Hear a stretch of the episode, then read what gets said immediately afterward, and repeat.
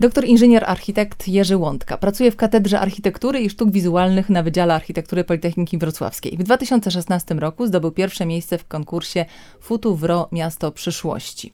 W 2017 został wybrany jednym z 30 kreatywnych Wrocławia. W 2019 zwyciężył w plebiscycie miesięcznika Architektura Murator osobowości 25-lecia w kategorii projektowanie zrównoważone i uniwersalne. Laureat polskiej edycji konkursu popularyzatorów nauki Fame Lab. Jesienią ciąg dalszy na forum międzynarodowym, no i zdobywca kubka dla wykładowcy plebiscytu akademickiego Radia Luz. Dzień dobry. Dzień dobry. Panie doktorze, jest pan kolekcjonerem nagród. No, udało się rzeczywiście e, kilka, kilka zdobyć, natomiast no, chyba kolekcjonerem bym się mm, nie nazwał. To no, dobry początek po prostu cały czas. Miejmy nadzieję, miejmy nadzieję. A jest już y, ściana chwały albo półka chwały chociaż? Y, nie, to znaczy tak, rzeczywiście y, takie tablice duże dostaliśmy po FameLabie i ona gdzieś tam y, na razie jest na półce, natomiast ja po tym wydarzeniu, bo udało mi się również dostać nagrodę publiczności i moi studenci przygotowali dla mnie plakat, taki trochę prześmiewczy, ale, ale wspaniały i on wisi na ścianie. Każda z tych nagród jest w trochę innej kategorii, każda pewnie powodowała radość, satysfakcję? Jakoś różnicowane są te emocje w pana duszy? Tak, tak. Niektóre były zaskoczeniem, no, to znaczy na przykład tym FameLabem naprawdę nie spodziewałem się i, i to było taki, e, takie zaskoczenie. Natomiast takie nagrody, które mi były e, najbliższe sercu i z których się najbardziej cieszyłem, to było wyróżnienie w formie wyboru jednego z 30 kreatywnych Wrocławia, no bo, bo Wrocław jest moim miastem i tutaj działam i to było naprawdę bardzo, bardzo e, miłe, że, że zostało to dostrzeżone i docenione. I nie będę ukrywał i tutaj nie kokietuję.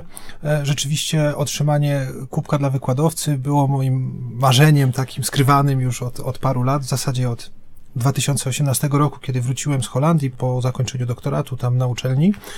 I tak sobie myślałem, kurczę, to jest coś takiego, co rzeczywiście pokazuje, bo oczywiście można, to są bardzo ważne rzeczy, osiągnięcia naukowe, osiągnięcia projektowe, ale to osiągnięcie dydaktyczne, które jest takie, można powiedzieć, bezpośrednio od studentów, to jest naprawdę bardzo budujące, bo jednak ta dydaktyka, czy ja wolę nazywać to nauczaniem, chociaż czasami wydaje mi się, że to jest bardziej inspirowanie, czy takie wspieranie, no jest super ważnym elementem. Oczywiście we fragmencie uczelni, ale też to jest fragment życia i chyba to gdzieś mam w sobie jakoś tak wkodowane, także ten kubek jest y, na pewno jedną z najważniejszych nagród, które dostałem i mówię to bardzo szczerze, nie dlatego, że akurat jestem z tej okazji u Państwa. Oczywiście, że promiennie się uśmiecham. Chciałabym powiedzieć, że e, Radio Luz spełnia marzenia, ale tak naprawdę to Pana studenci spełnili to marzenie, a może po prostu zwyczajnie Pan zapracował na ten kubek. I teraz takie pytanie, co takiego trzeba zrobić, żeby zaskarbić sobie e, sympatię i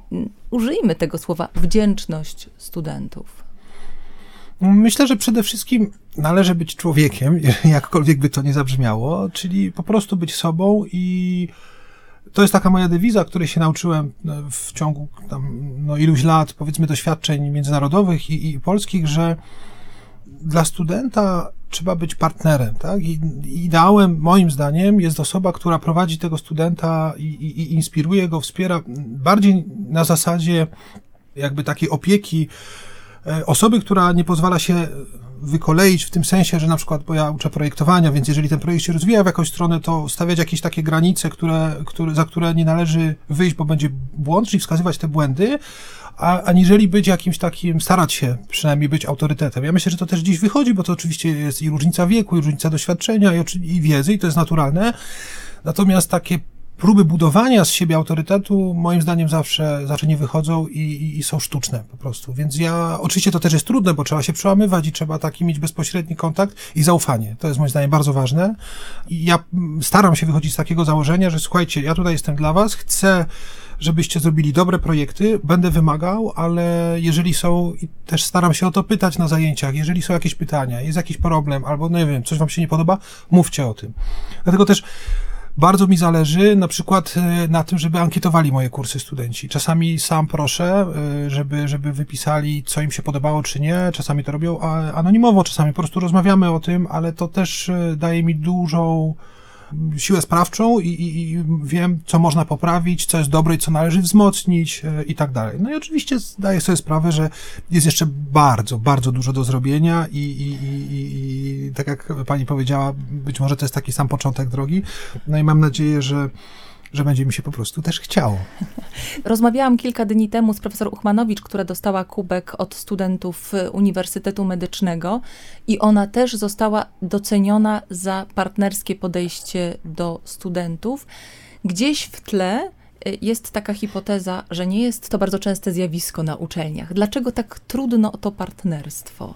No, wydaje mi się, że to może wynikać trochę z tego, że jednak uczelnia jest, można powiedzieć, tak, taką strukturą parafeudalną i tam jest ten układ taki bardzo pionowy i to gdzieś być może rzutuje dalej, tak?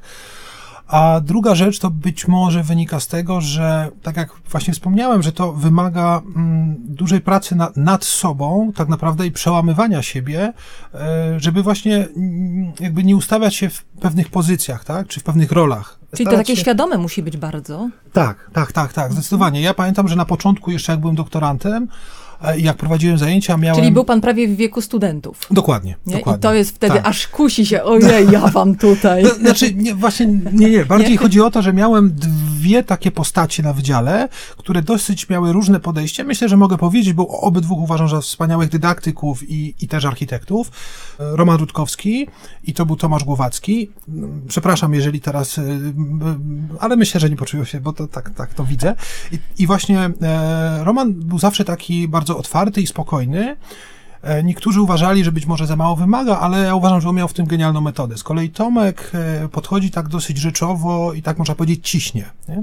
I ja pamiętam, że miałem taki na początku, e, to były takie dwa wzorce, które próbowałem jakoś w sobie połączyć albo wybrać jeden z nich i, i, i no i w sumie jakby żadną z tych dróg nie, gdzieś nie poszedłem, tylko swoją. Natomiast jeżeli pani teraz pyta, no to myślę, że e, chyba jest też coś takiego, że próbujemy właśnie z, wpisać się w jakieś role, znaleźć sobie swoje role i jeżeli one mm, są sztuczne, czyli jeżeli sami próbujemy się ubrać w jakieś ubranie kogoś innego, to to, to nie zadziała. Nie? I tak jak Tomek, który jest wymagającym prowadzącym, jest świetny i studenci się do niego zapisują na potęgę. Zresztą ostatnie e, nagrody e, dyplomantów i też międzynarodowych konkursach, no to właśnie u niego były realizowane. Tak? Także i, i on ma swoją jakąś ścieżkę. Czyli tak? jakaś autentyczność w tym też Dokładnie. musi być. Dokładnie. Przed, o, to jest mhm. świetne słowo. Wydaje mi się, że ta autentyczność jest tu bardzo ważna, a to też nie jest łatwo no bo właśnie, nie? Bo jednak bierzemy pewną odpowiedzialność, mamy pewien program, który, który musimy zrealizować, trzeba trzymać pewnej też dyscypliny, żeby, nie wiem, te oddania na przykład były na czas realizowane, żeby, żeby te projekty się rozwijały do przodu. Ja też wiem, że jestem w miarę wymagający, ale właśnie staram się być taki, no po prostu chyba sobą, ale to też przychodzi z czasem. Nie no, teraz z kubkiem to nie może być pan wymagający. Ja myślę, że to będzie najłatwiejsza sesja wszechczasów. o, tutaj się zgodzę, ponieważ prowadzę tylko jeden przedmiot i to jest mój ukochany przedmiot, e, o którym mogę opowiedzieć. Nie wiem, czy teraz, czy... czy... To za chwileczkę, a teraz jeszcze porozmawiajmy rzeczywiście o tej dydaktyce i o tych wzorcach i jeszcze o tym partnerstwie. A dlaczego to partnerstwo może się opłacać? Na zachętę Czy... dla innych nauczycieli, mhm. może powiedzieć. Okej, okay. ja myślę, że buduje się zaufanie przede wszystkim i taką relację. Mm, no właśnie, mam wrażenie, być może to jest mylne, dlatego chciałbym te ankiety, że w takiej relacji studentom się chce a nie ma nic lepszego, lepszej zachęty do pracy niż inspirowanie i jeżeli ja czuję, że oni się dobrze czują na zajęciach, tak, że mogą o wszystko zapytać, że nie, nie, nie będzie czegoś takiego, że się poczują głupio, że możemy tam szeroko porozmawiać, no wiadomo, że i ze względu na czas i tam nie, nie, nie, raczej się trzymamy tego, co jest na kalce czy na, na wydruku. Natomiast jeżeli jest taka atmosfera, która powoduje, że oni chętniej przychodzą, że siadają jeszcze jak to było na uczelni, tak, dyskutują ze sobą, dostają jakieś zadania i tak dalej, to ich to popycha, oni zaczynają lubić swoje projekty i dzięki temu te projekty są coraz lepsze i oni w to wkładają swoją energię, bo, bo to lubią i to jest, to jest bardzo ważne. Ja też czasem, znaczy dość często pytam, czy właśnie dana osoba lubi ten projekt, bo wydaje mi się, że to jest istotne, żeby się nie męczyć, tylko znaleźć swoją drogę, no bo to są też studia, tak, poszukiwanie swojej drogi, swoich pomysłów, rozwiązań. To jest jedna rzecz. Druga rzecz, zaufanie, czyli A ja też nie myślę o tym, że nie wiem, czasami słyszę, że tam studenci kombinują, że coś.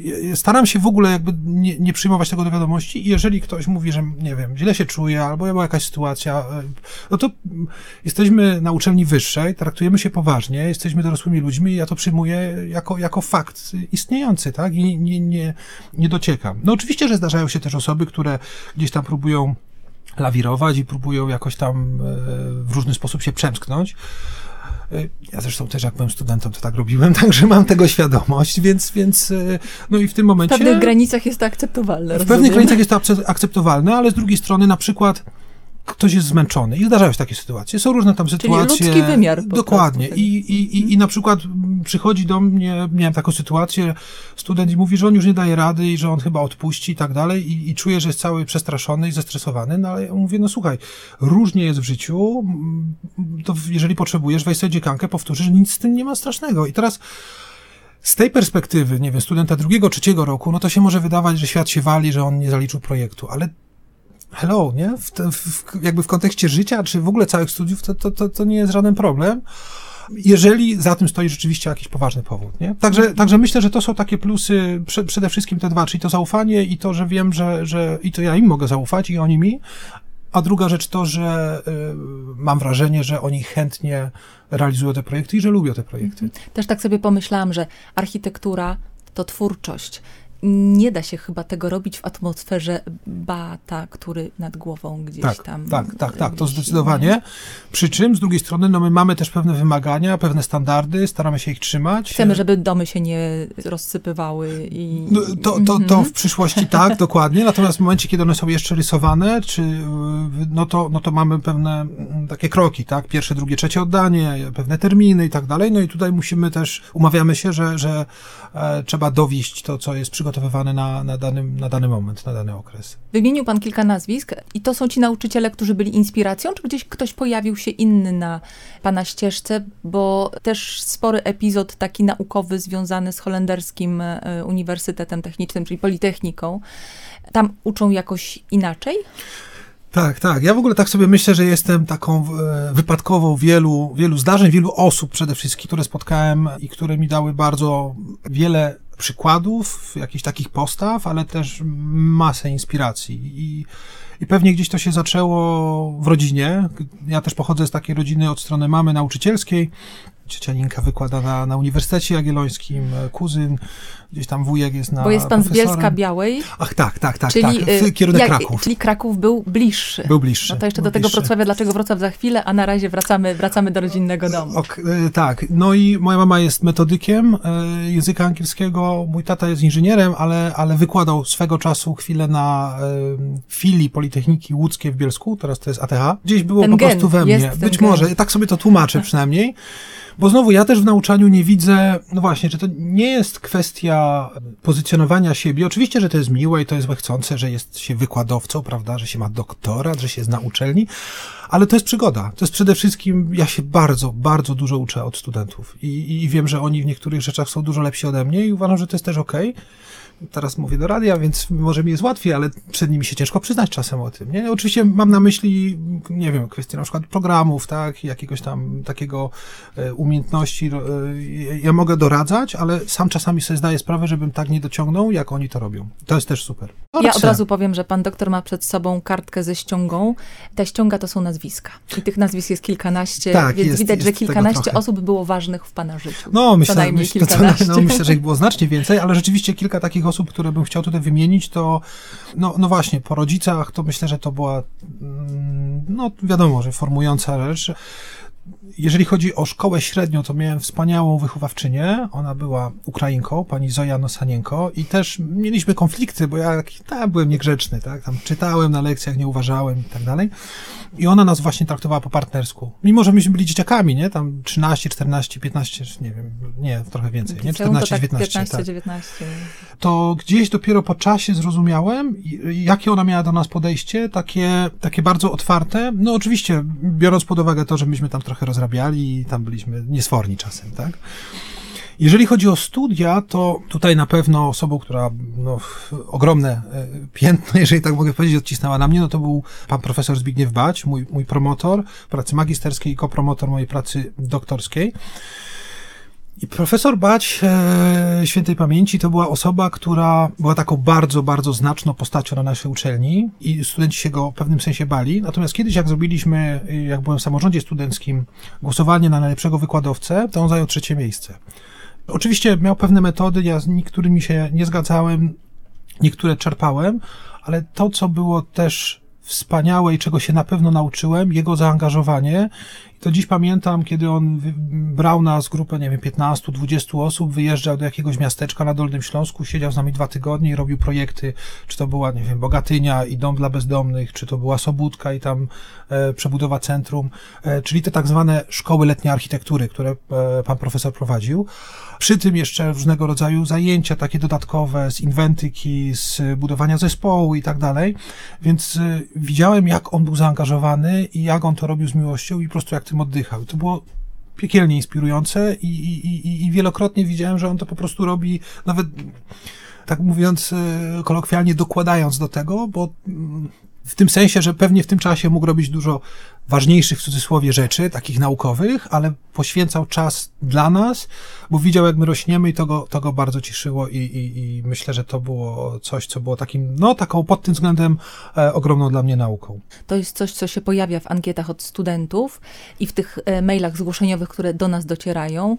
Wykładowca, dwie rzeczy – jest świetnym fachowcem i ma dla nas czas. Bardzo się cieszę, że doceniają, bo rzeczywiście czasami się zdarzają takie sytuacje, że gdzieś tam się trzeba spotkać, w jakieś dodatkowe konsultacje zrobić i tak dalej, no i staram się być dla nich, nie? Także to też jest tak, że mamy te, nie wiem, dwie czy cztery godziny konsultacji w tygodniu rozpisane, no ale ja sobie mogę napisać na drzwiach, że to jest środa od 14 do 18, a oni potrzebują w czwartek rano, bo wtedy mają możliwość, no więc ja jakoś się staram też dopasować do nich. Ale to, to tak, tak, tak. Myślę, że poza tym właśnie to spędzanie czasu z nimi e, wspólnie, no to jest, to jest zbudowanie tej relacji. Nie? I tak naprawdę e, zajęcia, no teraz zdalnie to w ogóle nie ma o czym mówić, ale, ale zajęcia no to jest tam parę godzin w tygodniu, gdzie się spotykamy, ale z kolei koło naukowe, które prowadzę i tam jeżeli robimy szkołę letnią, albo warsztaty, albo na przykład remont e, radia luz, prawda, to to są momenty, kiedy spędzamy ze sobą czas i to jest przygoda. I to jest przygoda, myślę, i mam nadzieję, że to są te momenty, które oni zapamiętają i za 15 lat, jeżeli będą wracali do jakichś wspomnień z uczelni, to właśnie będzie to, czy tam spędzili ileś godzin na hali przy urządzeniach, przy cięciu różnych tam desek, elementów malowania i tak dalej. No i to ich bardzo rozwija, myślę. Mm, wspomniał pan e, profesora Zbigniewa Bacia i to jest, rozumiem, że też osoba przywołana jako dydaktyk, ale to też była ważna osoba w pana karierze takiej e, zawodowej, architekta. To on jest odpowiedzialny za pana wrażliwość społeczną, o, tak, jak rozumiem, tak, tak, to tak. koło naukowe, humanizacja środowiska miejskiego.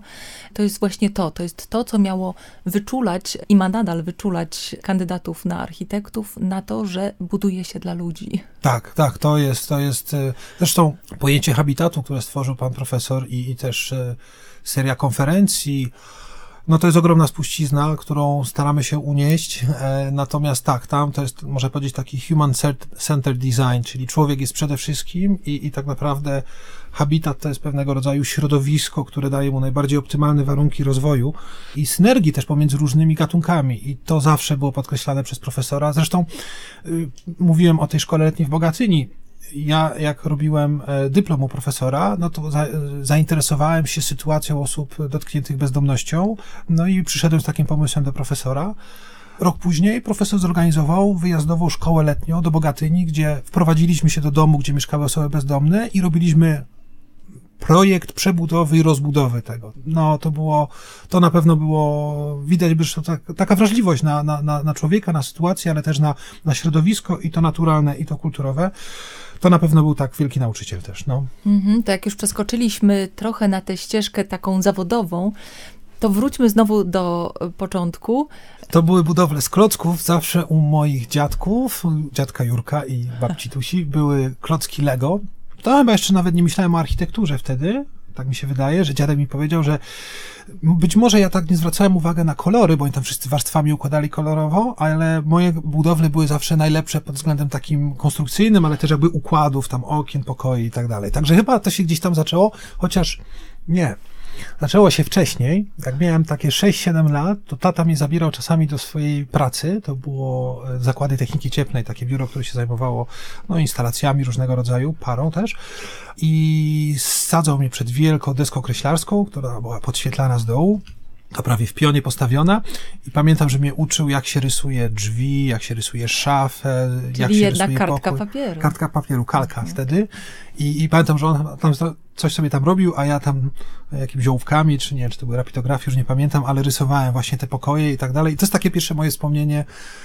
I też pamiętam takie ćwiczenia, jak mnie uczył rysować pudełko zapałek, czyli zasady perspektywy, zbiegów, jak pokazać coś w 3D, co jest na płaskim. I też wiem, już nawet nie, nie tyle pamiętam, ile z opowieści rodzin, że ja zawsze gdzieś tam chodziłem z blokiem i, i z ołówkiem i rysowałem. No, że dużo tego było do czasów studiów. Na studiach niestety to jakoś, e, no to już nie było takie wolne, już nie mogłem, już musiałem, a nie mogłem, więc e, wydaje tak. mi się, że to było... e, Dostałam tak. odpowiedź na niezadane pytanie. Co się takiego dzieje na studiach, że ktoś, kto jest rysownikiem, przestaje nim być? Czy ja nie, nie byłem jakimś tam wybitnym rysownikiem, no tak średnio jak na poziom, powiedzmy, studentów, którzy się dostawali na architekturę rysowałem, ale jakoś tam go, rysowanie na czas, zbieranie tam podpisów i tak dalej, no w jakiś sposób mnie zniechęciło trochę i teraz, y, teraz już, no to teraz to szkicuję po prostu przy projektowaniu, przy okazji. Czyli zaczęły, tak? E, Nie, nie, bo chciałem jeszcze wrócić, bo Mhm. pa- pani zapytała jeszcze o tą ścieżkę zagraniczną. Ja w sumie się roz, rozgadałem teraz o, o moich polskich doświadczeniach. Bo tutaj na razie dotarliśmy na studia. Aha, dobrze. Na studiach już pojawiła nam się postać profesora Bacia, no a potem, y, a potem była ta Holandia i Politechnika w Delft. Tak. Co tam się wydarzyło? Dobrze, to jeszcze może jedna anegdota odnośnie pana profesora. My chcieliśmy założyć, w, no to był 2006 chyba rok, czasopismo studenckie, format E1 się miało nazywać i w pierwszym numerze miał się ukazać wywiad z panem profesorem. Ja pamiętam, że byłem przed jakimś wykładem i poszedłem do niego, założyłem sobie, że tam będę miał 45 minut na rozmowę. Rozmowa miała się nazywać Profesor Bać Wyjście z mroku. Wyszedłem z tego spotkania po chyba dwóch i pół godzinach, e, no, z totalnie rozpaloną głową i to był taki moment przeskoku i sobie myślałem, o kurczę, nie? I, i, i było to tak inspirujące, że no, na kanwie tej rozmowy i potem kolejnych jakichś tam współpracy założyliśmy koło naukowe w 2000, to musiał być 2007 w takim razie, no i tak się rozpoczęła nasza współpraca i to był taki przeskok, jeden z Czyli ważniejszych. miał być wywiad, a skończyło się na kamieniu milowym życiowym tak, takim. Tak, tak, tak, zdecydowanie. Inny kamień milowy, no to było Delft. Kiedy dostałem stypendium na wyjazd y, do Delft, bo ja się już wtedy y, jakby interesowałem, to było na doktoracie, y, tą architekturą papierową. Bo ten papier to pojawił się wcześniej, tak? Tak, tak, to, była, to był no mój to dyplom. nie, to musimy wrócić. To tu z kolei e, mieliśmy zajęcia z e, panią doktor Adą Kwiatkowską, która na zajęciach poprosiła studentów, żeby przygotowali takie prezentacje dotyczące różnego rodzaju nurtów w architekturze. No i my z kolegami wybraliśmy takie dwa nurty high-tech i low-tech. Mi się trafił low-tech, czyli te wszystkie domy z gliny, zoopon i tak dalej. I wtedy zobaczyłem realizację Shigeru Bana, Japończyka, domów z papieru i tam konstrukcji papierowych. Myślałem w ogóle, jakie to jest fantastyczne. I to, co było w tym chyba najciekawsze, to to, że papier, który jest tak naprawdę materiałem takim niskotechnologicznym, można powiedzieć low-techowym, cała obudowa jego produkcji, e, przetwarzania, uszlachetniania, no to są bardzo wysokie technologie. Więc jakby w tym miejscu się spotyka coś, co jest takim pierwotnym materiałem od 105, 105 roku niezmienionym, a to wszystko, co jest wokół, cały przemysł, no to są już takie, można powiedzieć, że, że, że bardzo, bardzo zaawansowane technologie. Bo rozumiem, że to, z czym pan się tam spotkał w y, przypadku Shigeru Bana, to nie są domy japońskie, jakie znamy albo ze swoich wakacji w Japonii, albo z filmów, czyli papierowe ściany w jednak drewnianych obudowach i ramach. To zupełnie coś innego. Tak, tak, tak, tak. Głównie to było wykorzystanie Shigeru Ban głównie wykorzystuje tuleje papierowe, e, czyli to, co możemy spotkać, jak się skończą, nie wiem, ręczniki papierowe na przykład, tylko dużo większe. E, I on stworzył w 95 roku taki projekt, to był pierwszy chyba, znaczy nie jego pierwszy, ale pierwszy, który tak e, szeroko w świat poszedł, Paper Log House. To był papie- e, dom z tak zwanych bali papierowych i to była taka nieduża, 16 metrów kwadratowych powierzchni jednostka mieszkalna dla ofiar trzęsienia ziemi w, w Kobe. To była tam taka e, społeczność lokalna, wietnamska, e, która zamieszkała w tych, e, w tych budynkach. I te tuleje były ustawione jedna obok drugiej, były połączone ze sobą, spięte taką taśmą gąbczastą i, i, i, metalowymi łącznikami, znaczy kwintowanymi prętami. Więc on też nadawał temu materiałowi takiemu pierwotnemu, prymitywnemu, trochę bardziej technologiczny rys. Później robił coraz większe konstrukcje, aż w końcu w 2000 roku na wystawie Expo w Hanowerze stworzył w zasadzie największą konstrukcję, jaka powstała do tej pory, we współpracy z Frei Motto, takim geniuszem, architektem i konstruktorem z, z Niemiec, z, ze Stuttgartu. E, Pawilon, który miał wymiary 75 metrów długości, 25 rozpiętości i 16 wysokości. To było olbrzymie przedsięwzięcie inżynierskie. To był chyba, nie wiem, trzeci rok czy czwarty. Zainspirowałem się i ten materiał gdzieś tam zaczął mi towarzyszyć. I później w czasie dyplomu, kiedy zacząłem interesować się tą sytuacją osób bezdomnych i jakby wokół tego trochę mm, robić tam i badań i czytać, y, też, też współpracowaliśmy z y, Towarzystwem imienia Świętego Brata Alberta, żeby się dowiedzieć, na czym ten problem polega, zresztą dość dużo tam różnych wywiadów przeprowadziłem wtedy, no to doszedłem do wniosku, że to jest idealny materiał, żeby stworzyć tak zwane, jak to właśnie profesor Baś nazwał, stacje przesiadkowe, czyli takie jednostki, które mogą służyć osobom, które wychodzą z instytucji, takich jak, nie wiem, domy dla osób bezdomnych, ale jeszcze y, nie mają swojego mieszkania albo są przed wprowadzeniem się do jakiegoś mieszkania komunalnego, czyli tak zwane domy treningowe. No i takie domy miały być wykorzystywane przez okres 6 do tam 18 miesięcy i wymieniane. Co jakiś czas te jednostki mogły być rozkładane i budowane od nowa. Tak się zaczęła też fascynacja tym materiałem. Później w ramach naszego koła naukowego zaczęliśmy eksperymentować, budować pierwsze małe formy, meble i później coraz większe, coraz większe. E, No aż w końcu teraz jesteśmy na takim etapie, że w ramach grantu przygotowujemy się do budowy już takiej pełno, pełnoprawnej jednostki wyposażonej, wykonanej z tych komponentów papierowych. No i wtedy pojawiła się opcja wyjazdu już na doktoracie do, do Delft, bo Delft oprócz tego, że jest mekką e, dla studentów architektury, zresztą no, to jest drugi najlepszy wydział architektury na świecie e, po MIT, e, więc, więc to jest naprawdę taki, może, no, taki marzenie wszystkich. Ja się zwróciłem do pana profesora Mika Eckhouta, który był szefem zespołu Cardboard in Architecture, który działał tam w latach 2005, 2000, 2003, 2008. I tu był też taki turning point, bo ciekawa sytuacja, wysłałem, dostałem to stypendium, tam trzeba było zaproponować uczelnię, ale dopiero po weryfikacji wniosku i po otrzymaniu stypendium trzeba było wysłać list zapraszający. No i ja napisałem do profesora, on nie odpisał, drugi raz, trzeci i stwierdziłem, że no mm, okej, i będę rezygnował. A to taki sposób rekrutacji na przetrzymanie e, kandydata. No, myślę, że to wynikało z tego, że e, oprócz tego, że Mik e, był profesorem, bo te, teraz jest emerytowany na, na, na uczelni, to jeszcze prowadzi swoją potężną działalność, Octatube, firmę, która się zajmuje takimi eksperymentalnymi konstrukcjami i on jest architektem z wykształcenia, ale konstruktorem z, z ducha i z umysłu, że tak powiem. No i zadzwoniłem wtedy do, do działu e, doktorantów e, i, i pamiętam chyba z panią Ewą Kawińską rozmawiałem i powiedziałem, że będę rezygnował, bo po prostu no, no, no, nie, nie dostałem tego zaproszenia. I pani Ewa powiedziała, panie Ruku, niech pan weźmie telefon i zadzwoni, bo to może być pana szansa życia. tak oldschoolowo. Oldschoolowo, dokładnie. Ja nie miałem śmiałości nawet, żeby zadzwonić, bo no bo co będę gościowi, który pewnie takich maili jak ode mnie dostaje kilkanaście tygodniowo, no ale pamiętam, że jeszcze zbiegłem do kiosku, żeby kupić taką telezdrapkę, czy jak to się nazywało, żeby było taniej. Zadzwoniłem, miałem szczęście, że on był, przekazano mi jego numer. To była połowa sierpnia. On odebrał i mówi, a, że tak, że przeprasza, że zapomniał. E, otworzył tego maila jeszcze raz i mówi, no to słuchaj, to przyjeżdżaj, od 1 września będziesz prowadził zajęcia. ja za nim mówiłem, jeszcze wtedy miałem zaplanowany wyjazd z profesorem Baciem do Izraela, tam odwiedzać kibuce, bo, bo, bo to były właśnie takie idealne habitaty. No więc poprosiłem o przesunięcie tego wyjazdu i w połowie, w połowie września trafiłem do Delft, no i to był, to był kolejny taki ogromny mm, przeskok, tak, bo, bo, bo też zobaczyłem, jak inaczej może wyglądać nauka, jakie są relacje na uczelni. No i tutaj oprócz Mika, taką postacią, która miała ogromny wpływ na, na mój sposób nauczania, to na pewno był Marcel Billow, wykładowca w, w Delft.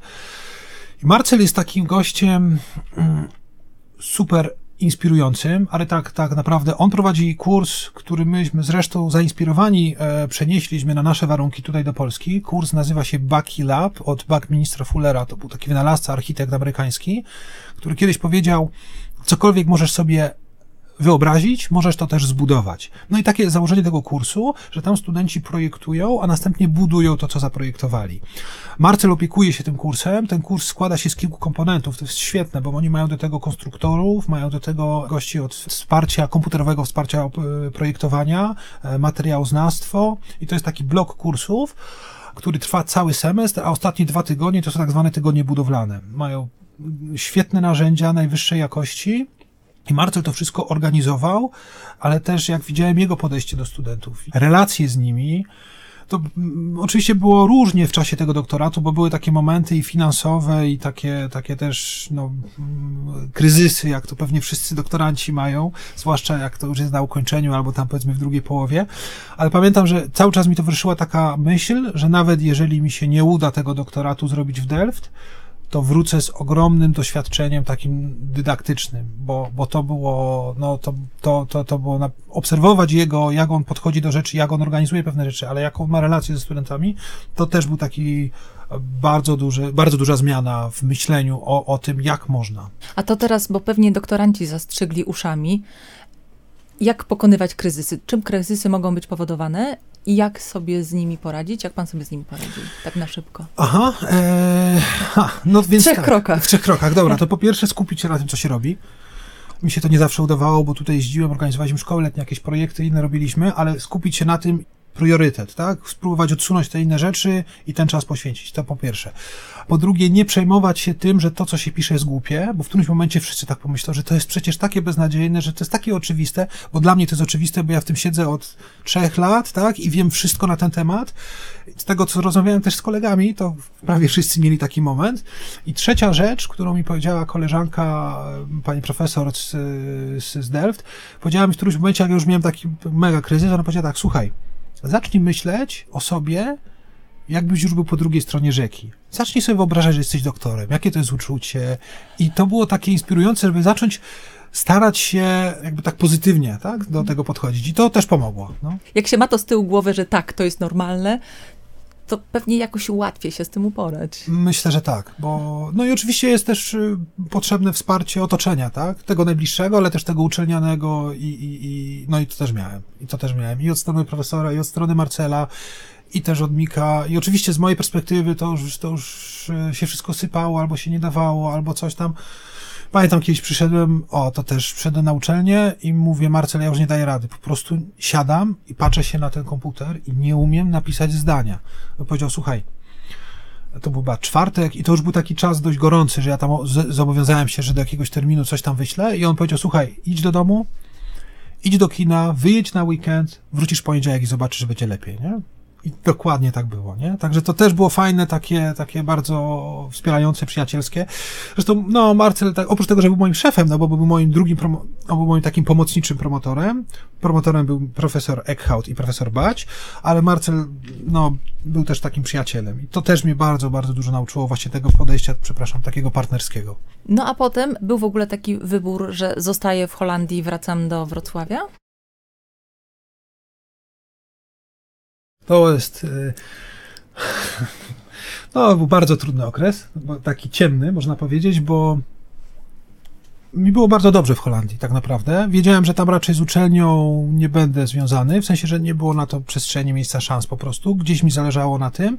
Z drugiej strony, od momentu wyjazdu do Holandii, ja miałem wdrukowane, że jest taka piękna piosenka Grechuty, gdzie on śpiewa jak. Yy lud, Polacy rozsypani po całym świecie wrócą i w jedno wspólne ognisko. I tak sobie wyobrażałem, że to taki ideał był trochę, że, że to, czego się nauczyłem, też dzięki uczelni tutaj w Wrocławiu i też dzięki wsparciu w tym wyjeździe i tak dalej, w jaki sposób zwrócę, wracając tu i przekazując tę wiedzę, tak? I jakby oddając. I to mi się wydawało takie najbardziej właściwe ale spotkałem się ze ścianą. E, no, dzięki osobom, które, które mnie wsparły, również władzom uczelni, e, zostałem zatrudniony. No i po dwóch latach mam nadzieję, że udowodniłem, bo przynajmniej tak wyszło z mojego awansu na adiunkta, że, że, że warto było. W życiu potrzebne jest też szczęście? O, tak, tak, tak, tak. To tak, to pamiętam jak mm, e, taką, mój tata mi kiedyś powiedział, że kurczę gościu, ty to masz szczęście. I powiem ci, jak Napoleon kiedyś, jak rekrutował swoich żołnierzy, to nie pytał ich o to, czy są dobrzy, czy mają wykształcenie, tylko czy mają w życiu szczęście. I to mm, boję się o tym mówić zawsze, bo się boję, że jak o tym powiem i się będę tym chwalił, to się to szczęście obrazi i pójdzie. Tak? To Ale... bardzo powszechne jest, że tak boimy się sami przed sobą nawet docenić to, że czasami po prostu nam się udaje. Nie wiem, można to nazwać szczęściem. Na pewno są to też ludzie, mhm. może opatrzność, może coś, co jest gdzieś, opiekuje się, albo po prostu też niektórzy mówią, że to, co dajesz, to wraca, tak? I w jedną albo w drugą stronę, więc być może to też jest e, jakby taki mechanizm ale na pewno w wielu momentach, no chociażby te dwa czy trzy, o których powiedziałem dzisiaj, tych takich turning pointach, tak, że to był telefon i, i tutaj osoba z administracji powiedziała, żebym zadzwonił i to zmieniło zupełnie jakby ścieżkę mojego rozwoju, tak, bo, bo, bo pewnie by się to tak wszystko nie skończyło, jak i finalnie nie dostałbym kubka dla wykładowcy. I w ogóle prawda? wszystko byłoby inaczej. No, dokładnie. Tak sobie pomyślałam, że zgadzamy się z tym, że szczęście jest w życiu potrzebne i witamy je otwartymi ramionami. A czy coś dobrego wynika z czarnych dziur? Kiedy nie idzie, kiedy jest mur, kiedy jest ściana. Tak, tak, nauka przede wszystkim. Myślę, że to też e, w takich momentach człowiek sobie zdaje sprawę, na ile jest w stanie coś, nie wiem, znieść, przezwyciężyć, na ile ma w sobie mocy i siły, bo to są zawsze takie momenty testowe, można powiedzieć.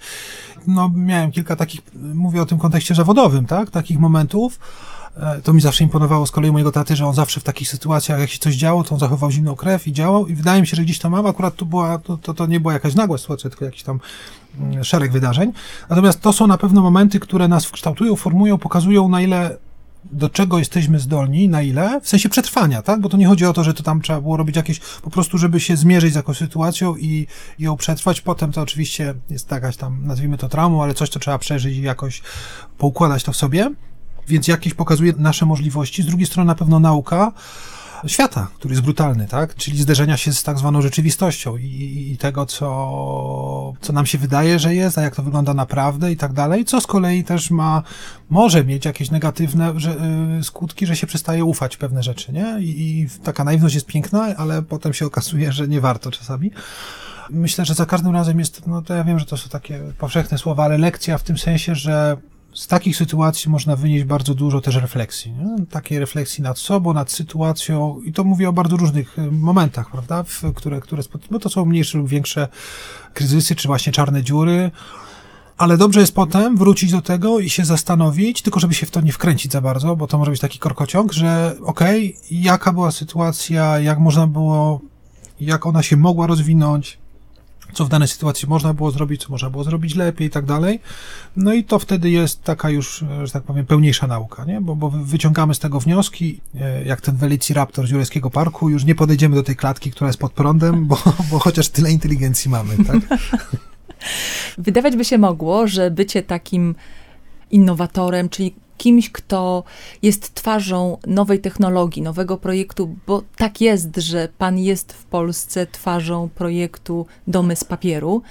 To jest pasmo sukcesów, nagród i bycia docenianym, i bycia na świeczniku, ale no właśnie, może jest tam też taka ciemna strona, że ci, którzy coś nowego, innego chcą wprowadzić, no zawsze budzą y, mieszane uczucia. Pewnie milion razy odpowiadał pan na pytanie, domy z papieru, tak. litości, lit a ogień. No, tak, tak, tak.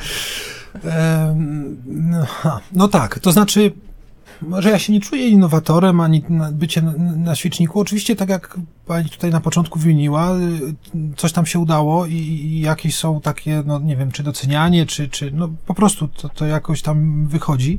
Jest to włożone dość dużo pracy, ale są też ludzie, no bo to jest zawsze zespół i tutaj właśnie współpraca w kole naukowe, na przykład ze studentami, czy, czy też wsparcie Politechniki przy niektórych projektach. Chociażby pawilon Politechniki Wrocławskiej z 2015 roku.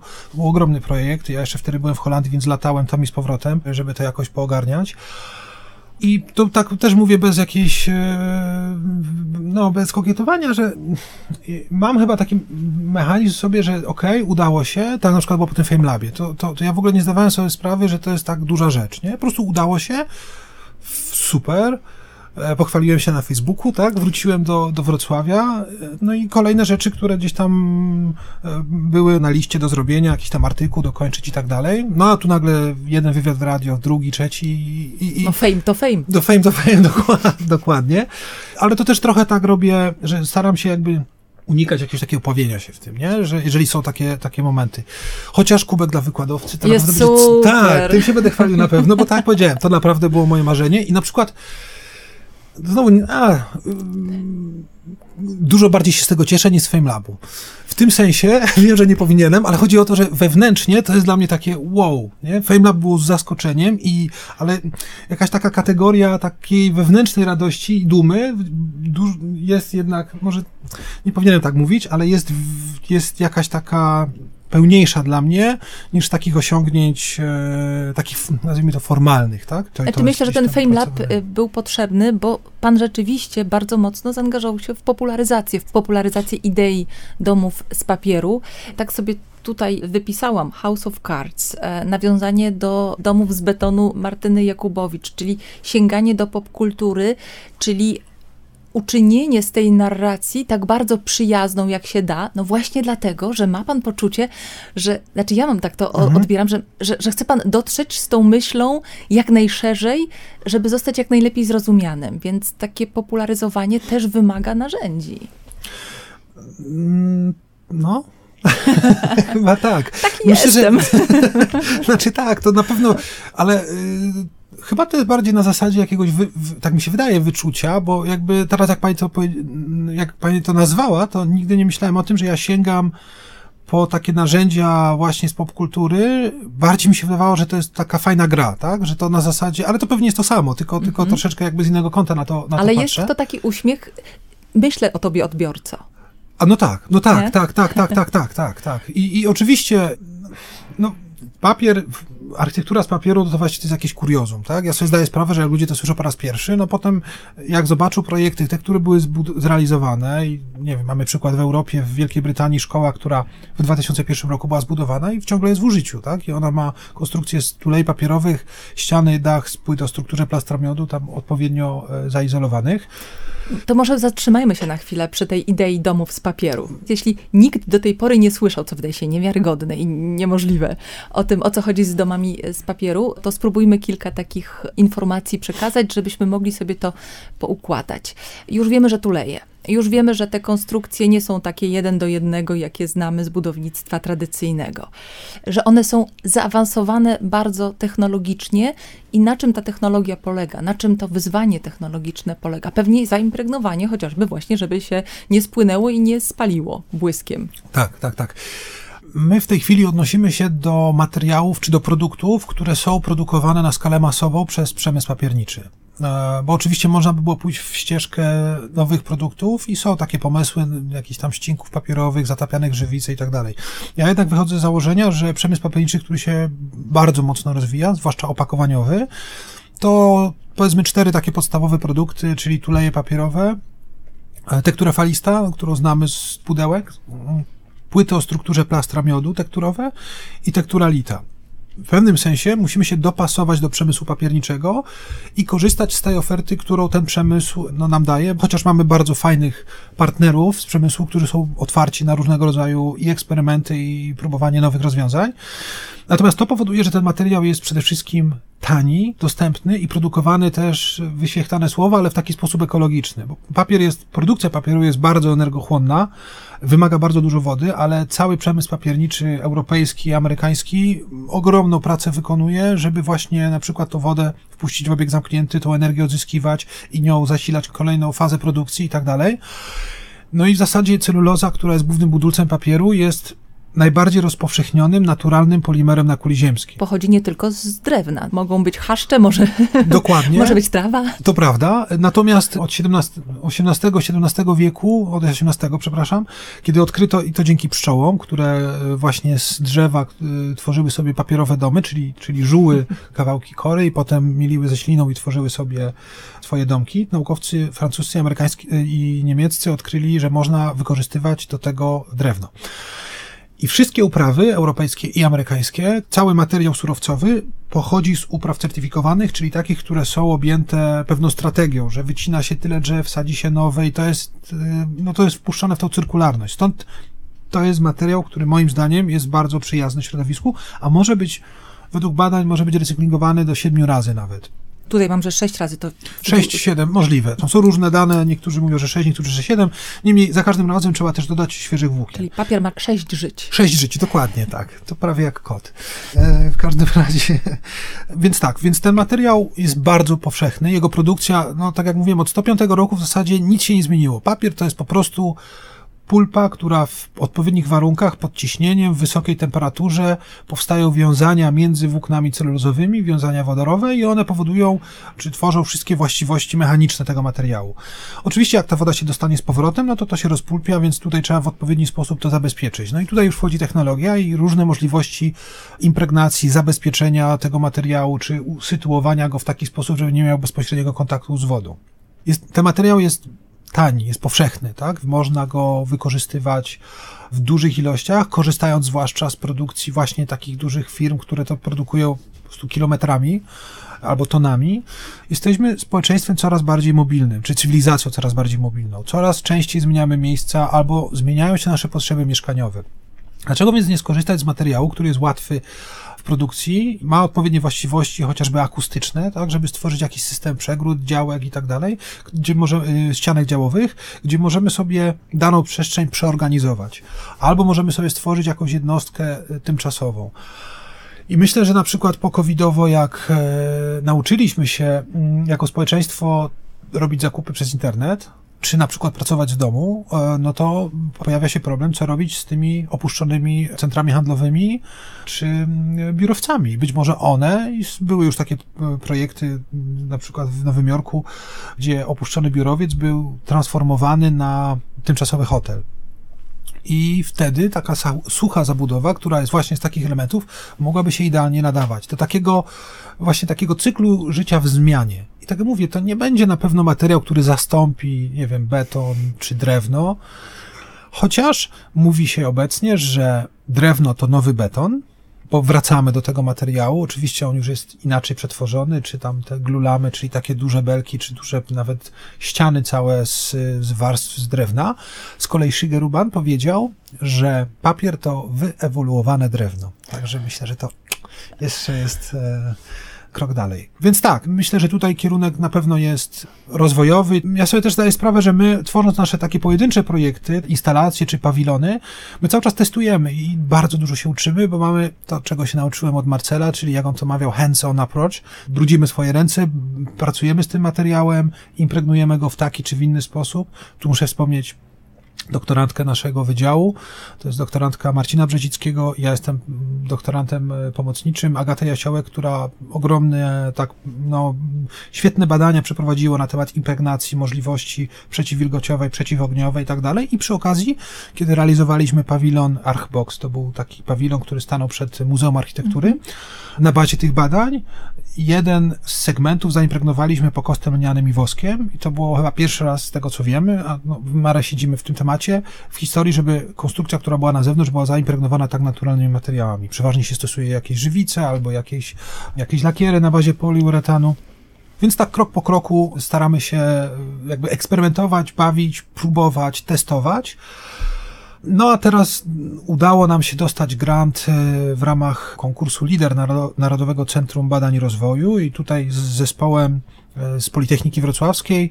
Tam jest Ania Karolak, Paweł Noszczyk, Paweł Niewiadomski z Wydziału Budownictwa, jest e, Ola Klimek z, z Wydziału Elektroniki Akustyczka, Szymon z Wydziału Chemii, który jest z kolei studentem, ale jest zatrudniony od tego, żeby by zajmować się impregnacją, czy Dominika Jezierska z naszego Wydziału, no i Agata. I celem tego grantu jest stworzenie pełnoprawnej jednostki mieszkalnej, która będzie przebadana właśnie w takim interdyscyplinarnym podejściu. Jednostka czyli... mieszkalna, czyli powstanie taki domek? Tak, tak, ma powstać. Po tak, celem tego projektu jest budowa domu, który miejmy nadzieję będzie zamieszkany albo będzie użytkowany, bo chcemy potem przez rok sprawdzić, jak on będzie się zachowywał w warunkach rzeczywistych, czyli jaki będzie wpływ zmiany temperatury, gotowania wody w środku, oddychania. Bo takiego normalnego życia, funkcjonowania, użytkowania dokładnie, po prostu, dokładnie, tak? Tak, tak, tak. No i liczymy, że to będzie jakiś kolejny, kolejny etap, kolejny krok. No może powiem teraz, może nieskromnie, ale powiem w ten sposób, że mam dość dobrze roze, rozeznaną sytuację, jak wygląda ten nurt naukowy architektury papierowej. Japonia, no to dzięki Shigeru Banowi, to były przeważnie takie jednorazowe badania na uczelniach do jakichś projektów. ETH Zurich miało badania w latach 2006-2008, jeżeli dobrze pamiętam, TU Delft 2003-2008, w tej chwili jest Wrocław i jest Darmstadt. Ja byłem przez rok na postdoku teraz w Darmstadt. Oni tam mają potężny projekt, gdzie jest kilkanaście osób z różnych wydziałów i oni właśnie badają architekturę, znaczy wykorzystanie papieru w architekturze. I mam takie przekonanie, że moglibyśmy wejść na szpicę, moglibyśmy być w czołówce tak naprawdę światowej w tym temacie, jeżeli byśmy mieli odpowiednie środki, możliwości, zaplecze techniczne i tak dalej.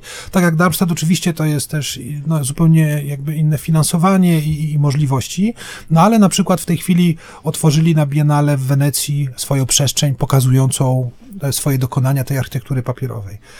My byliśmy jeszcze myślę, że dwa lata temu przed nimi. W sensie nasza wiedza i tak dalej, no ale teraz, ja nie mówię, że to jest konkurencja, bo to, to my się gdzieś tam, to są koledzy i to fajnie działa, ale ja czuję, że to naprawdę mo, mo, można by było tutaj stworzyć taki ośrodek, który by się rozwijał, zwłaszcza, że polski przemysł papierniczy jest otwarty na innowacje, bo to jest coś też nowego. W Holandii już takie rzeczy się dzieją i też prywatnie, w sensie tak biznesowo. No ale zobaczymy, może ten grant nas pchnie w takim kierunku i może będzie okazja, żeby na bazie tego jakieś kolejne działania y, otworzyć. Po drugiej stronie Odry jest dom na wodzie. Zawsze żeby... są eksperymentatorzy, którzy lubią trochę inaczej. Mhm. Jestem wielką fanką takiego serialu Wielkie Projekty. Mhm. I tam widać, jak bardzo y, ludzie poszukują wyzwań i jak bardzo chcą, chcą jakoś niestandardowo zamieszkać. Tak, tak, tak I nawet tak. poświęcić temu kawał życia, energii, o pieniądzach nie wspominając. Polecam wszystkim studentom, zwłaszcza architektury, świetny, świetny serial. Też widać pokazuje, jak, cały proces, nie? Jak można. Tak, jak, jak, można. Jak można, więc pytanie, czy spodziewa się pan, że u nas też pojawią się ludzie, którzy po prostu będą chcieli taki eksperyment na swoim organizmie i swoim budżecie zrobić? Czy to w ogóle nie ten kierunek, bo, bo domy z papieru to pomysł, który ma być właśnie awaryjny na czas, e, no właśnie, katastrof, kiedy coś trzeba szybko postawić mhm. i dać ludziom dach znaczy, nad głową. Ja myślę, że to jest szeroko, że, że z jednej strony te te budynki awaryjne to jest coś, co oczywiście tutaj najważniejszy budżet, łatwość transportu i szybkość konstrukcji, jakieś tam podstawowe parametry, to to jest jakby jedna rzecz, ale jak najbardziej, jeżeli chodzi o, dostajemy takie różnego rodzaju zapytania już w tej chwili, są ludzie zainteresowani. Myślę, że, że kiedyś będzie możliwość zbudowania dla inwestora takiej konstrukcji. Tu z jednej strony to może być oczywiście dom, ale to może być jakiś pawilon na stałe, to może być tutaj przykład, jak pojechałem do Japonii, to przyjechałem i tam akurat e, kończyła się budowa z udziałem studentów, co też było bardzo taką fajną rzeczą, studia Shigeru Bana na Kyoto University of Art and Design, które było wykonane z tulei papierowych. I ono przez parę lat tam funkcjonowało. Potem Shigeru się przeniósł do Keio University w Tokio. I jak najbardziej, myślę, że to jest jak najbardziej komercyjny materiał, czy taki rynkowy, który będzie można wprowadzić, tylko Potrzebne jest przeprowadzenie pewnych badań, kwestia certyfikacji, albo przynajmniej udowodnienia, że w taki, w taki sposób można go wykorzystać.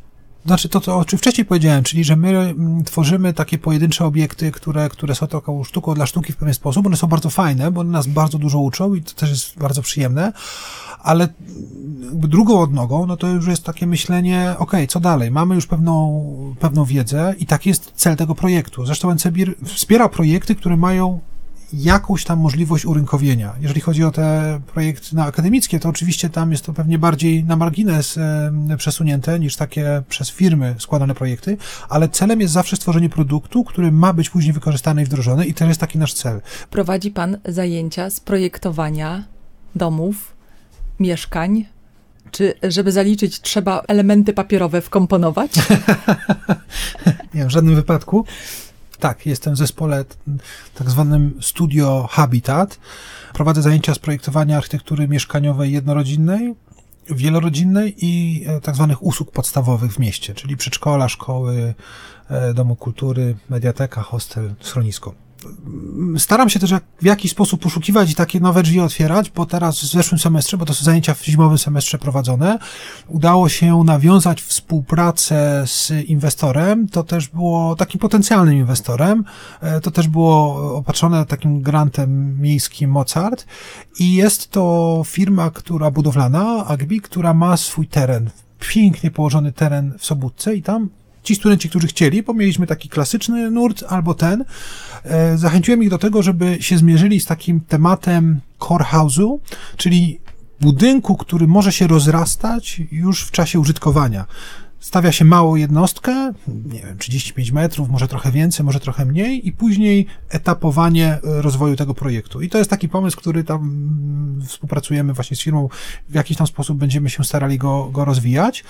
Ale tak mówię, to była opcja, tak? To studenci mogli sobie wybrać. Natomiast staram się poszukiwać jakichś takich, mm, nie wiem czy nowości, ale takich różnych ścieżek, które też uruchomią pewnego rodzaju myślenie o projektowaniu, architekturze, jak trochę bardziej o czymś więcej niż tylko o budynku jako takim. Tam oczywiście środowisko mieszkaniowe, ten habitat, to jest, to jest istotna sprawa.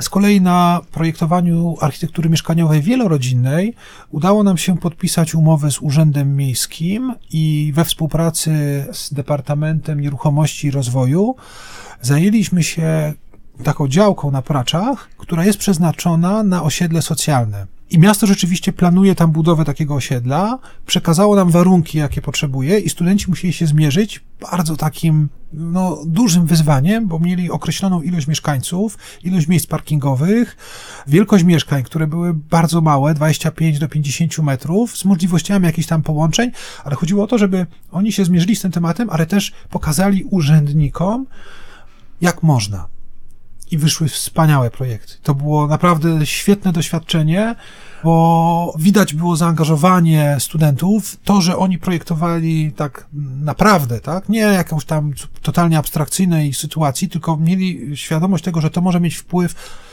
To nie, oczywiście nie chodziło o to, że to będzie zbudowane, bo to było nierealne, ale że te projekty mogą stanowić pewnego rodzaju informacje, jakie są możliwości, czyli takie studia e, nad tymi opcjami miasto to chce wykorzystać po ogłaszaniu przetargu, czyli jeżeli będzie konkurs na to. Także, no a z drugiej strony właśnie ten element taki społeczny, tak, zastanowienia się nad tą sytuacją tych osób, jak Ale właśnie, czy dobrym pomysłem jest gromadzenie osób, które mają trudną sytuację? Nie. No właśnie. Nie. Mhm. nie, nie, nie. I tutaj zaprosiliśmy panią e, doktor habilitowaną Agatę Twardoch, to jest specjalistka, super książkę napisała, System do mieszkania z Politechniki Śląskiej na finalną prezentację i ona w rozmowie z wiceprezydentem miasta, z panem Lorencem, bardzo mocno powiedziała, że to nie jest dobry pomysł, żeby tworzyć, to nawet, bo to chodziło o to, że to mają być osoby, które mają czasowo trudną sytuację, żeby znaleźć dla nich miejsce.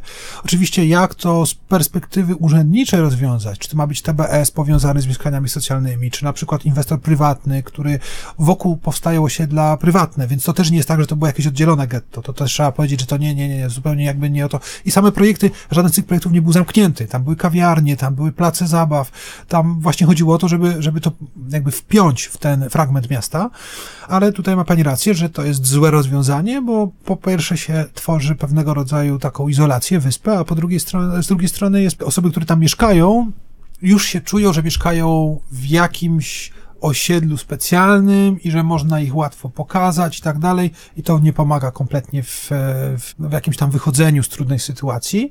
Aczkolwiek, tak jak przedstawiali to e, Państwo z urzędu, tutaj chodziło o osoby, które które naprawdę się znalazły w trudnej sytuacji z różnych tam powodów, no ale że to osiedle miało być takie, nazwijmy to, grzeczne, tak?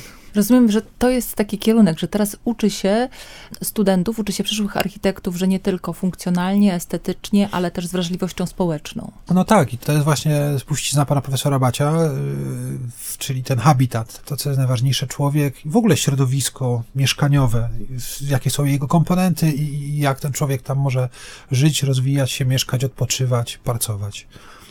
A propos żyć, odpoczywać, pracować, skąd pan czerpie energię? Z kawy.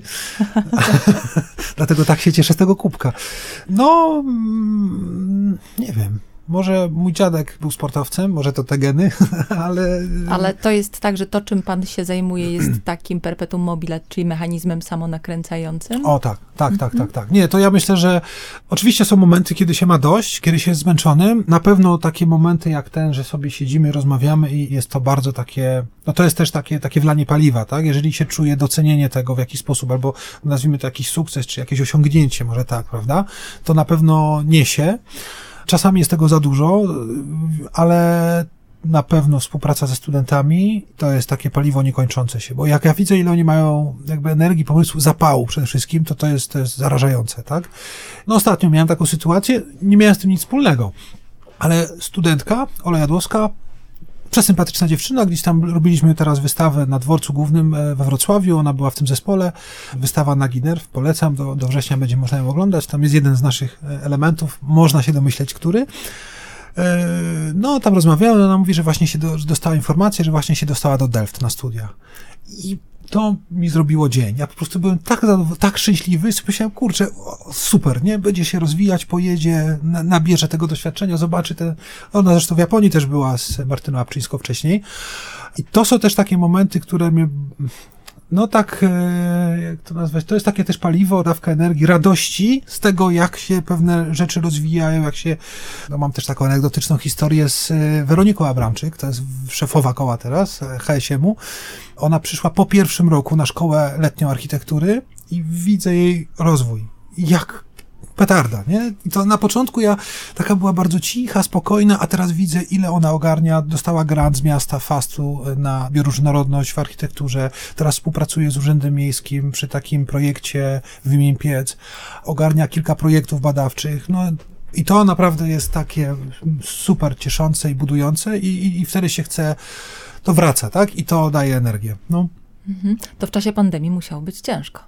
Było, było, było, było. Chociaż powiem szczerze, że dla mnie początek pandemii to był najlepszy moment, bo ja przez rok, niestety tutaj nie zostałem zwolniony z zajęć, więc musiałem latać co tydzień do Darmstadt, znaczy do Frankfurtu, Darmstadt i potem z powrotem, tak? Prowadzić zajęcia i tu, i w Niemczech. Ale... Od, od marca 2019 aha, do końca aha. lutego 2020 aha, czyli roku. najpierw było intensywne latanie, tak. a potem była chwila odpoczynku. Dokładnie. I przyjechałem, już zwiozłem wszystkie swoje rzeczy do Wrocławia, pojechałem na półfinał Fame Labu i zamknęli wszystko. I to było takie super.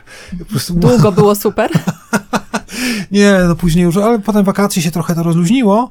Natomiast tak, no brak tego kontaktu jest, tego takiego, no wiadomo, te spotkania zdalne i tak dalej. Przy czym muszę powiedzieć, że i, i projekty, które były na kursie z, w semestrze letnim rok temu i te teraz zimowym, naprawdę były bardzo dobre. I to było widać, że być może chodziło o to, że było mniej rozpraszaczy, czyli jakiegoś tam życia takiego poza i studenci siedzieli u siebie w domach, ale te projekty, mimo że to było trudne, udało nam się tam przy użyciu różnych tam narzędzi e, ogarnąć i naprawdę powstały bardzo, bardzo dobre projekty. Czyli można kształcić zdalnie architektów? Tak, myślę, że tak, chociaż no było dużo takich sytuacji, że na przykład ja jakiś e, powiedziałem żart, który nie został zrozumiany, bo, bo kontekst nie był wiadomy, albo nie było mnie widać, albo no nie wiem, w każdym razie mm, pamiętam, że tam Marta jakoś tam balustradę narysowała i tam były dzieci za tą balustradą i coś się przesunęło w programie i jedno dziecko było w powietrzu.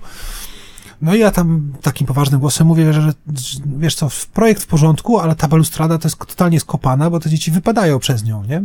I za tydzień cała balustrada zmieniona. Ja mówię, ale czemu? No bo pan powiedział, a to w ogóle, no, no właśnie tych takich... Mm-hmm. Poza tym, to co wydaje mi się jest ogromną stratą, to są te smoltoki, nie? Czyli my spotykamy się na tym Zoomie czy Teamsie, w celu, tak? Czyli otwieramy projekt, pach, pach, pach, kończymy, jedziemy dalej, tak? A, a jednak, no wiadomo, uczelnia to jest społeczność, tak? To jest spotkanie, to jest rozmowa, gdzieś tam na kawie, na korytarzu, na zajęciach i tak dalej i oprócz tego, że moim zdaniem w takich sytuacjach się bardzo dużo pomysłów pojawia, jakiś tam, nie wiem, poznają się ci studenci ze sobą, a to się dogadają, to konkurs zrobią i tak dalej, to też buduje tą relację taką właśnie partnersko powiedzmy, nie? No bo jak oni gadają z kimś, kto jest tylko płaski na ekranie, nie wiedzą, co to za koleś, nie? Właśnie miałem, ja tutaj e, mam z takim programie tutoringowym i z jedną studentką myśmy się spotykali 6 miesięcy, tak? I nagle przyjechaliśmy, ona brała też udział w tym, w tym projekcie na dworcu głównym i spotkaliśmy się, ona tak patrzy na mnie mówi, ale ty jesteś duży. Nie? tak, czyli, no, bo dla niej ja byłem głową, nie? I tam kawałkiem tutaj ramion, tak? I, i, i zupełnie, no, no, ona tak siedziała i tak się patrzyła i tak nie mogę sobie, nie, nie no. Więc tego brakuje, no. To jest, a to jest fantastyczne, bo wiadomo, że my odbieramy siebie nie tylko wzrokiem, nie tylko słuchem, ale jeszcze, jeszcze wszystkimi innymi zmysłami, które gdzieś tam są w powietrzu, nie? I, i z drugiej strony na pewno dużo czasu się zaoszczędziło, nie? I, I, też słyszałem, że na przykład zajęcia, które są świetnie prowadzone przez Przemka Wojsznica na, z KADA, z Archikada, bardzo sobie studenci chwalą, że to są w formie tutoriali, oni mogą do nich wracać, i, a jak jest raz powiedziane, na zajęciach pach wychodzą, no to ta wiedza się gdzieś gubi. Także. Czyli co, hybryda? W pewnym sensie chyba tak. No, mhm, to przyszłość. Tak. No, myślę, że tak. Myślę, że tak. Z projektami byłoby trudno, no bo to jest jednak cały czas ping-pong, nie? I, I też widzę, że te korekty czasami ja tam rysuję, bo mam akurat taki komputer, że mogę sobie rysować na nim. Jednak taka dyskusja na żywo to jest zupełnie co innego. No to życzę powrotu. Powrotu do tego, co nakręca, co daje energię, co y, wyzwala kreację. Bardzo dziękuję. Tak sobie patrzę na tę listę. Czy wszystkie nazwiska zostały wyczerpane? Nie chciałbym, żeby to teraz brzmiało trochę jak napisy końcowe, tak? Że trzeba powymieniać tych ludzi, ale rzeczywiście sobie ich zapisałem, bo każda z tych osób dla mnie, i to tak mówię naprawdę, y, nie dlatego, że nie wiem, współpracuję z nimi, wypada, ale była dla mnie takim odniesieniem. I tak jak pani doktor Ada Kwiatkowska, wszyscy studenci architektury wiedzą, że ona jest najlepsza i tak, tak gości przed nami. Po prostu tak jest, tak? Z jej podejściem, z jej umiejętnością słuchania i wyobraźnią.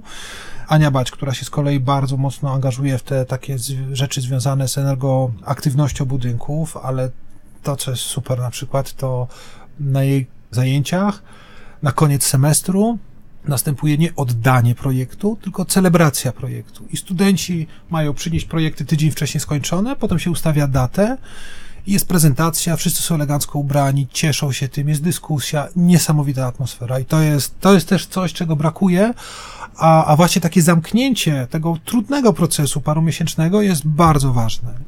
Jest Tomek Głowacki, o którym wspomniałem, czyli taki powiedziałbym The Architect, zresztą autor Akademii Sztuk Pięknych we Wrocławiu, tego nowego budynku. Paweł Horn, super, ja bym powiedział, taki przyzwoity gość, pięknie, jakby inspirująco mówi, jak ja z nim, zresztą pracowałem kiedyś dla niego i to też było jedno z najlepszych doświadczeń z pracodawcą. Zaangażowany był w e, budowę tego osiedla Nowe Żerniki, na bazie czego napisał też swoją pracę habilitacyjną.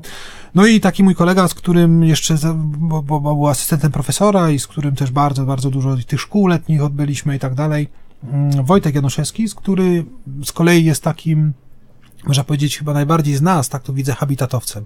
Że on naprawdę siedzi, się bardzo mocno interesuje e, taką urbanistyką w skali miejskiej, w skali osiedla i zresztą on założył dwa lata temu koło naukowe Habitat Now, które bardzo fajne rzeczy robi. Ostatnio robili konkurs, jakiś cykl wykładów, konferencje mieli, także to jest też, e, widzę, że to będzie taka wznosząca. Mm, chciałbym wspomnieć Łukasza Wojciechowskiego, mam masę informacji, pozytywnych sygnałów od studentów. On uczy na pierwszym roku.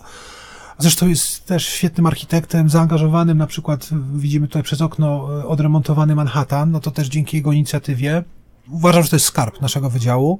I jeszcze jest e, Marcin Brzezicki, to jest kolej gość, który prowadzi e, e, przemysł, jakby to powiedzieć. On wymaga, ale ma super przemyślane pewne rzeczy i, i, i tak e, zorganizowane. I no zresztą naukowo on jest też jednym z, tak, jeżeli chodzi o publikacje i takie rzeczy, zajmuje się szkłem w architekturze. Zresztą bardzo też jest doceniany i w Delft, i w Darmstadt, bo tam jest profesor Mik y, Ulrich Knack, który się zajmuje też fasadami, więc, więc Marcin też ma taką mm, rozpoznawalność międzynarodową. A mógłbym tak wymieniać, no mógłbym tak wymieniać. Ale to jest super tak? To, no. to, to, to, mogę jeszcze dwie osoby albo trzy. Y, znaczy super jest to, że, że się zauważa, że się docenia, że, że ma się takie poczucie, że, że jest się częścią y, zespołu. Y, nie chcę się bawić w epitety, ale tak. ludzi, z którymi chce się pracować. Tak, tak, tak, tak. To, to na pewno, to na pewno, to na pewno. No. I myślę, że to jest tak. Z jednej strony jak ja to widzę, tego mojego zespołu, czyli tego studia Habitat, naszego zespołu, oczywiście dyskutujemy, czasami się nie zgadzamy i tak dalej, ale tam jest otwartość i taka, taka szczerość. Z drugiej strony, to też muszę powiedzieć, że szefowa katedry, Karolina Jaklewicz, pani profesor, też ma bardzo takie, takie, można powiedzieć, demokratyczne, otwarte podejście i też z Anią Bać na przykład w zeszłym roku zrobiły y, świetną akcję wspierającą, bo teraz wszyscy musimy publikować, bo zbliża się ocena parametryczna i panie po prostu zamiast wysyłać jakieś listy z pogróżkami, no przesadzam teraz, ale za, po prostu powiedziały tak, słuchajcie, jak możemy wam pomóc? Zorganizowały zewnętrzne wsparcie językowe na przykład i nagle się okazało, że ruszyło, tak, że ludzie zaczęli publikować i to było bardzo fajne. No i jeszcze kurs, który prowadzę razem z profesorem Romualdem Tarczewskim i z naszego wydziału, konstruktorem, Protolab, czyli to jest ten zaciągnięty z, z Delft pomysł na kurs Zaprojektuj i Wybuduj. To też uważam, że to jest przyszłość. Jeżeli się wszystko dobrze poukłada, to to jest naprawdę przyszłość i możliwość takiego wyjścia też do przodu, jeżeli chodzi o, o nauczanie na naszym wydziale.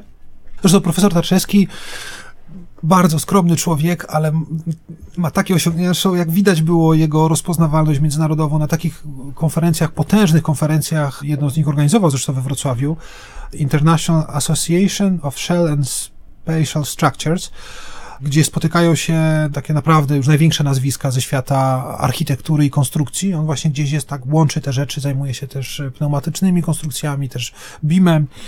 To jest na pewno też taka osoba, którą bym chciał wymienić.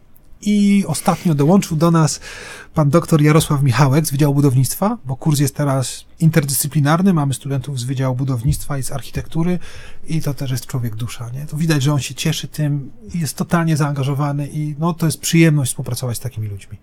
Życzę, żeby kawy i ludzi wokół pana nie zabrakło. Jeśli chodzi o kubek, proszę, żeby był używany. Jak się zużyje, dorzucimy kolejny. Dobrze, bardzo, bardzo dziękuję. Z kolejnej edycji. Bardzo, bardzo dziękuję za rozmowę. Doktor inżynier, architekt Jerzy Łądka był gościem Akademickiego Radia Luz, zdobywca nagrody Kubek dla wykładowcy. Dziękuję bardzo.